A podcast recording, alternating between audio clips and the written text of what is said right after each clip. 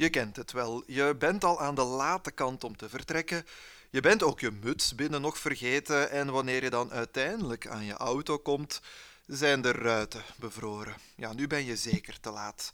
We gaan het vandaag hebben over het aanvriezen van een autoruit. Wanneer en hoe gebeurt het en wat kunnen we eraan doen? Nu, wanneer vriezen autoruiten aan? Wel, om ijs te krijgen heb je natuurlijk water nodig. Regen die valt op een onderkoeld object kan bevriezen, maar ook waterdamp kan dat. Wanneer het voldoende koud is en de lucht voldoende vocht bevat, kan waterdamp overgaan naar ijs. Die overgang die kan onmiddellijk gebeuren, rechtstreeks dus van waterdamp, een gas, naar ijs. We noemen dat sublimatie. En hierdoor krijg je vorming van rijp op je auto. Je auto glinstert dan een beetje, maar die rijp die is toch wel vrij gemakkelijk verwijderbaar. In feite gaat het om ijskristallen die onmiddellijk neerslaan op de auto, maar die je ook makkelijk kan wegvegen.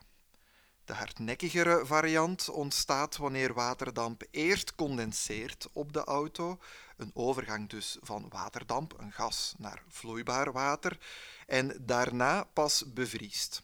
Nu, in dit geval krijg je een witte en hardere ijslaag op de auto.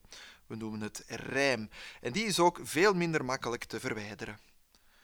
Een eerste voorwaarde is dus voldoende vochtige lucht. Nu, bij aanvoer van droge landlucht met een relatief lage vochtigheid, meestal uit het oosten, zal een autoruit niet bevriezen, want dan is er te weinig vocht aanwezig.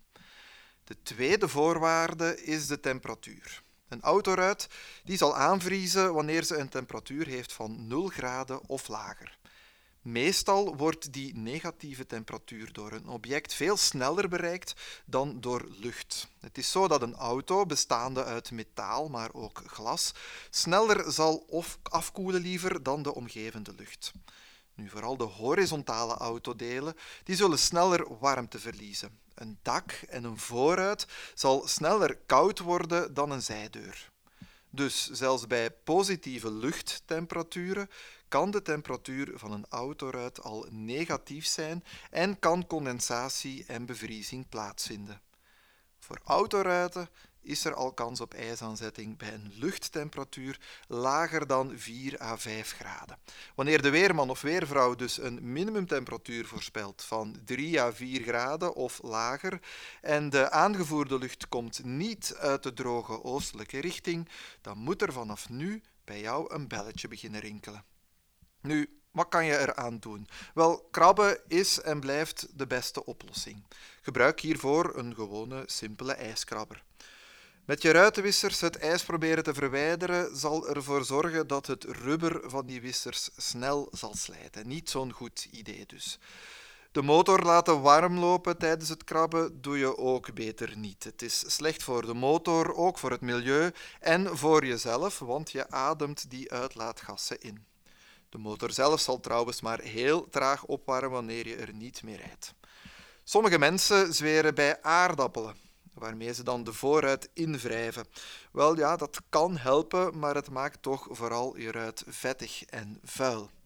Warm water over de voorruit gieten doe je beter niet, want je ruit zou ervan kunnen barsten door de temperatuurschok. Koud water of lauw water kan wel helpen, net als sommige de-icing producten die je kan kopen in de autospeciaalzaak. Maar dus best is gewoon krabben ofwel ijsaanzetting voorkomen door bijvoorbeeld een stuk karton of een scherm op de voorruit te leggen of de auto gewoon binnen te parkeren.